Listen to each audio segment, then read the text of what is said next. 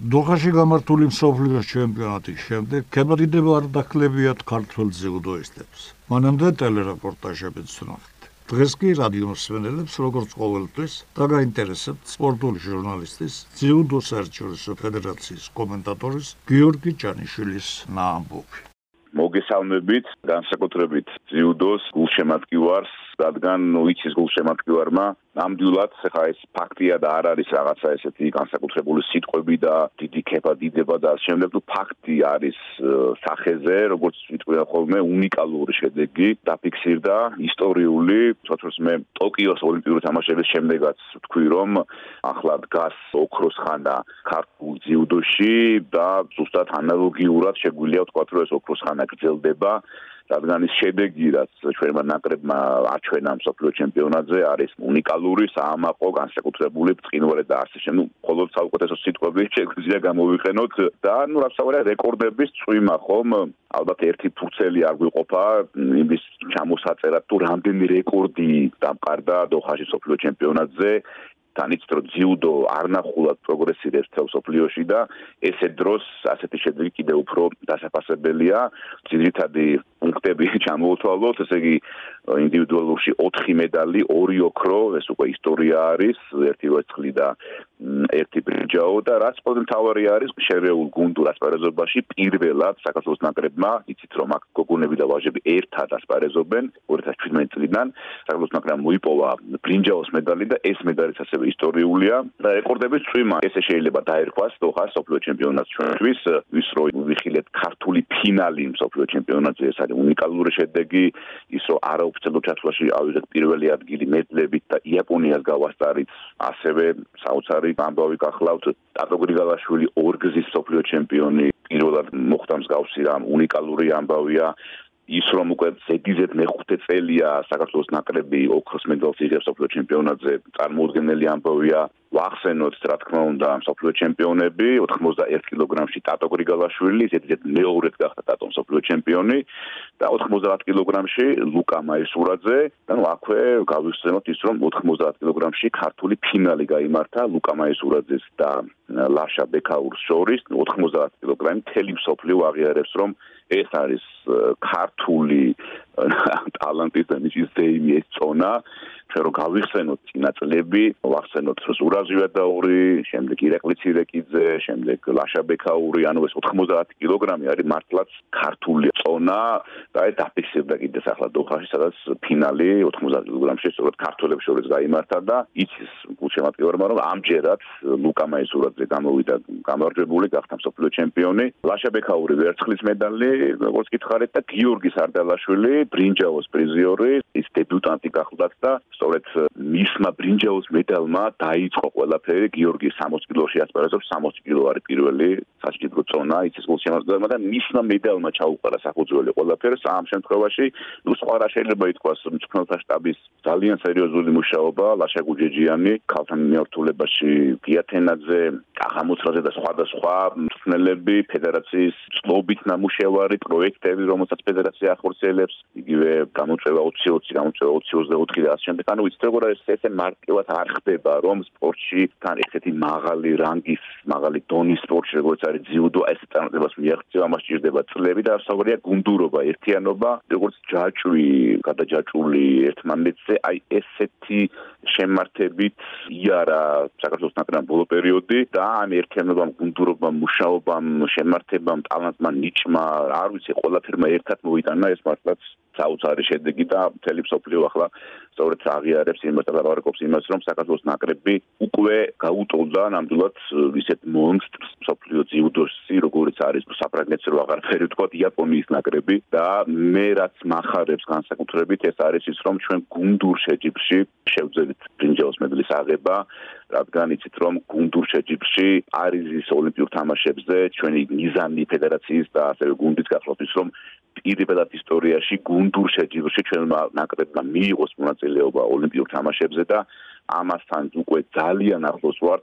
ავიღოთ ჩვენ სარეიტინგო ქულები აი ამ გამარჯვებით ამ დრიჯაოს მედლების მოპოვებით გუნდურ შეჯიბრში და კიდე უფრო მეტი შეუძლია ამ შემადგენლობას ამ ნაკრებს თაობას რომელიც მოვიდა ქართულ ძიუდოში და შეცვალა წინა სპორტსმენები ერთი საინტერესო დეტალის ფოტოშორის ლაშა ბექაურის ილეთები კივეს ხაჩვენის სპორტსმენების ილეთები იწევს სულ აღფრთოვანებას ძიუდოს იაპონელმა ლეგენდამ იასუჰირო იამაში დამაღნიშნა რომ ის არის გაუცებული იმ ტექნიკით რასაც ფლობენ ჩვენი ძიუდოისტები და ფაქტიურად როცა უყურებს ჩვენების ასპარეზობას მას ვერ წარმოუდგენია თუ აი რა ტექნიკას იყენებენ ეს ბიჭები როგორ ახერხებენ ესეთ წარმატებებს იგივე იაპონელების ძინაამდე ფრანგების და სხვადასხვა სპორტსმენების ძინაამდე განსაკუთრებით იაპონელების ძინაამდე იმაში და უცხოებს რომ ბექაური ისეთ ილეთებს აკეთებსო რომ გაუცებისგან ეს ხელებს შლიდაო რომ ანუ რა არის ეს რა ტექნიკა რა გრება ესეთი დაწეს დოჰას ოფლიო ჩემპიონატი ჩვენთვის დაუვიწყარი ფანტასტიკური ისტორიული და რეკორდების წვიმა. ასე რომ მარტივად დავარქვათ ოქროს ხანა, ოქროს ხანა დგას საქართველოს ძიუდოს ისტორიაში.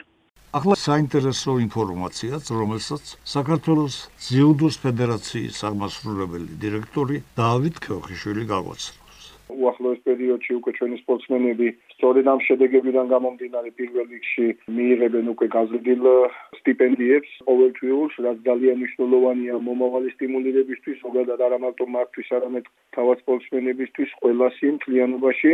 ასევე ხაზგასმული იყო სხვადასხვა პროექტების მნიშვნელობა, რომელიც უნდა გაგრძელდეს ჩვენი მხრიდან ბუნებრივია მადლობა გადაუხადეთ სამინისტროს უშუალოდ მინისტრს იმ პროექტების ხალდაჭერაში, რომელმაც დღემდე მოგვიყვანა ფაქტიურად გამომდინარე იქიდან, რომ ბუნებრივია ცალკე აღებული პროექტების გარეშე სისტემის გარეშე, რომელიც 99% ხელშეწყობილია სახელმწიფო სამინისტროს მხრიდან, ბუნებრივია ვერაფერი ვერ გაკეთდებოდა.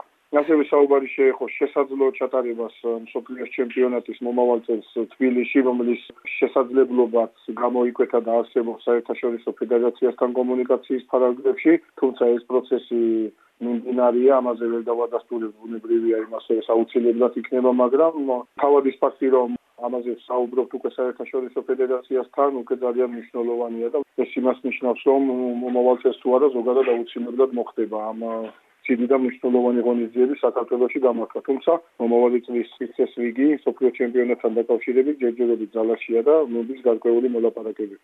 ახალი სპორტის სასახე სულად აღმოყოფილებს თავის სტანდარტებით, თავისი ზომებით, ყველა ინფრასტრუქტურის საშუალებებით, რომელიც ხარშებობს რა თქმა უნდა ეხლა სპეციფიურად ძიუდოზე დაჭირდება პატარა გადაწყობა თუმცა ეგ არ არის პრობლემა თუმცა კიდევ ამბობ მან არის სხვადასხვა ნიუანსები არა მხოლოდ ეს ინფრასტრუქტურული თემა არამედ სხვადასხვა გათვლები სხვადასხვა კითხვები სხვადასხვა კონტურები რომელთან დაკავშირებითაც არა მარტო ადგილზე ჩვენ არამედ საერთაშორისო ფედერაციამაც უნდა მიიღოს საბოლოოდ გადაწყვეტილება. და შესაბამისად ჯერჯერობით აი ამ პროცესში ვართ ორმხრივი მოლაპარაკების პროცესში და როგორ დაგვირგვინდება ვნახოთ ეს რაც შეეხებოდა ძიუდოს. ამასობაში ფეხბურთის დროც მოვიდა UEFA-ს ჩემპიონთა ლიგის განმეორებითი მატჩები. არ ამგონია რომ დიდხანს შემორჩება ამ პრესტიჟული საკლუბო ტურნირის ისტორიას. ყოველ შემთხვევაში, სოფლიოში მადრიდის რეალის საყვარლისმცემლების რაოდენობა რომარ გაეზრდებოდა Manchester City-სთან შეხვედრის შემდეგ, ამაში დარწმუნებული ვარ.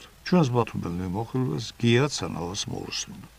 მივესალმები ჩვენს რადიო მსმენელებს. დღევანდელი თემა, რადგან მინდა ვისაუბრო, გახლავთ ის თამაში, რომელიც ეროვნული ჩემპიონატის მომდევნო ტურში უნდა გაიმართოს, ცენტრალური ტურის ცენტრალური თამაში. ეს გახლავთ სამგურალი, რომელიც ბათუმის დინამოსთან ერთად ლიდერობს ერთნაირი კულებით, უმასპინძლებს ბათუმის დინამოს და ვფიქრობ, ეს იქნება ძალიან კაი თამაში, როგორც ანახაობრივად. ასევე საინტერესო სატურნირო მდგომარეობის ხრივ რა მოხდება, ვინ გამოიმარჯვებს, ვინ გამარცხდება, ან როგორ დაზავდებიან თუ დაზავდებიან და მე ვფიქრობ თამაში ძალიან საინტერესო იქნება. მით უმეტეს რომ წყალდუბოს 8 ტურია თამაში, არ გაუწუდებია.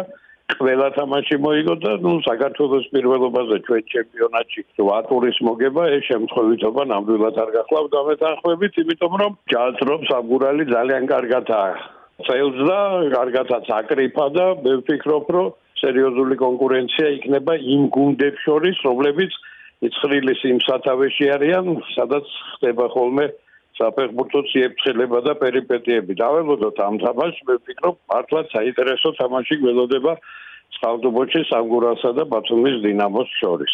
ეხლა მინდა ორი სიტყვა გითხრათ განმეორებით თამაშზე, სერიოზული ფორა ქონდა ინტერს მილანთან შეხვედრაში ეს დერბი გახდათ მარჯ გასჭირვებია.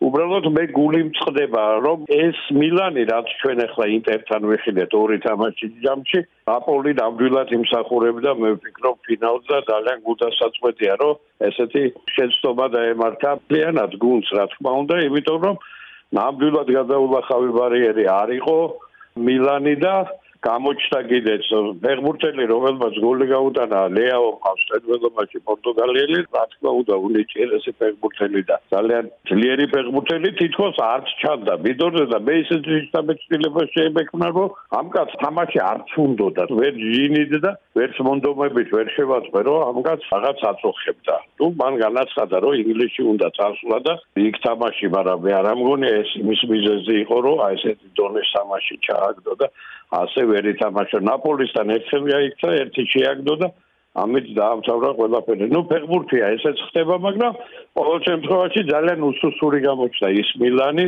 რომელმაც სამწუხაროდ ხუჭეგვარაცხილეს ნაპოლი გამოაგდო. მეორე თამაშიც ასეთივე უღიმღამო იყო მილანი და დამსახურებულად ალბათ წააგო 1-0, მაგრამ სრულიად დამსახურებულად გავიდა ინტერი ყოველ შემთხვევაში სეთ მოწინააღმდეგესთან როგორც მილანი აღმოჩნდა. ეხლა ორივე სიტყვას გეტყვით სიტის და რეალის განმეორებით. თამაშზე, ნუ პირველი თამაში მოგეხსენებდა. ფრედ დამთავრდა, მაგრამ სიმართლე გითხრათ, მე პროგნოზების კეთებისგან თავს ვიკავებდი, მაგრამ რაც ვნახე თამაშის ხარისხი და უპირატესობები პირველ მატჩში მე ატომღაც დარწმუნებული ვიყავი, რომ სიტი რა თქმა უნდა რეალს არ გამოუშვებდა მანჩესტერიდან. უკვე შეიძლება ხმამაღლა ითქვას, რომ სოფლიოში საუკეთესო გუნდი და საუკეთესო ფეხბურთს რა თქმა უნდა დღეს გვარდიოლა სიტი თამაშობს და ეს მან თამაშიც დაამტკიცა რეალთან. მე არ მინდა რეალის გულშემატკივრებს ვაწყენინო, მაგრამ მე ასეთი უსუსური რეალი დიდი ხანი არ მინახია. საერთოდ თუ მინახია არც ეგ მახსოვს. ძალიან სუსტად გამოჩნდა და თუ არ ვწდები სადღაც 27 წუთზე გადავიდა მანჩესტერ სიტის ახევარზე და დანარჩენი ახლა დომინირება მთელი თამაშის რამდენად ქონდა სიტის და ასე ვთქვათ გაგუდა მოწინააღმდეგე ეს ძალიან კარგად გამოჩნდა და სრულად დამსახურებულად რომ არ ალბათ სპორტოა უფრო დიდი ანგარიშიც იქნებოდა მან ცხინვალებურთები გამოაძრო ასე ვთქვათ და იხსნა თავისი გუნდი უფრო დიდი წაგებისგან. ნუ ფინალე ყოველთვის ამოუცნობია, მაგრამ მე ვფიქრობ, რომ დადგა ის პერიოდი 6 წლის მუშაობის შემდეგ, როცა გვარდიოლა ალბათ ჩემპიონატსაც მოიგებს ინგლისის ჩემპიონატი მასპინძლობაში და ალბათ ჩემპიონთა ლიგის თასსაც აიღებს. ყოველ შემთხვევაში მე ასე გონია. ერთხელ კიდევ დიდი მადლობა რომ მადლობთ საჩვენებას ვისაუბროთ თქვენს ეთერში. კარგად ბრძანდებოდეთ და კიდევ ერთხელ წარმატება ქართულ და ქართულ სპორტს და ქართულ პრემურთელებს და სპორტსმენებს. კარგად ბრძანდებოდეთ. პოლოსკის შეგახსენებთ, რომ საქართველოს ეროვნული ჩემპიონატის მორიგი ტურის მატჩები 20 მაისს გამართება და ალბათ ყველაზე პრინციპული სამგურლისა და ბათუმის დინამოს შეხვედრა იქნება.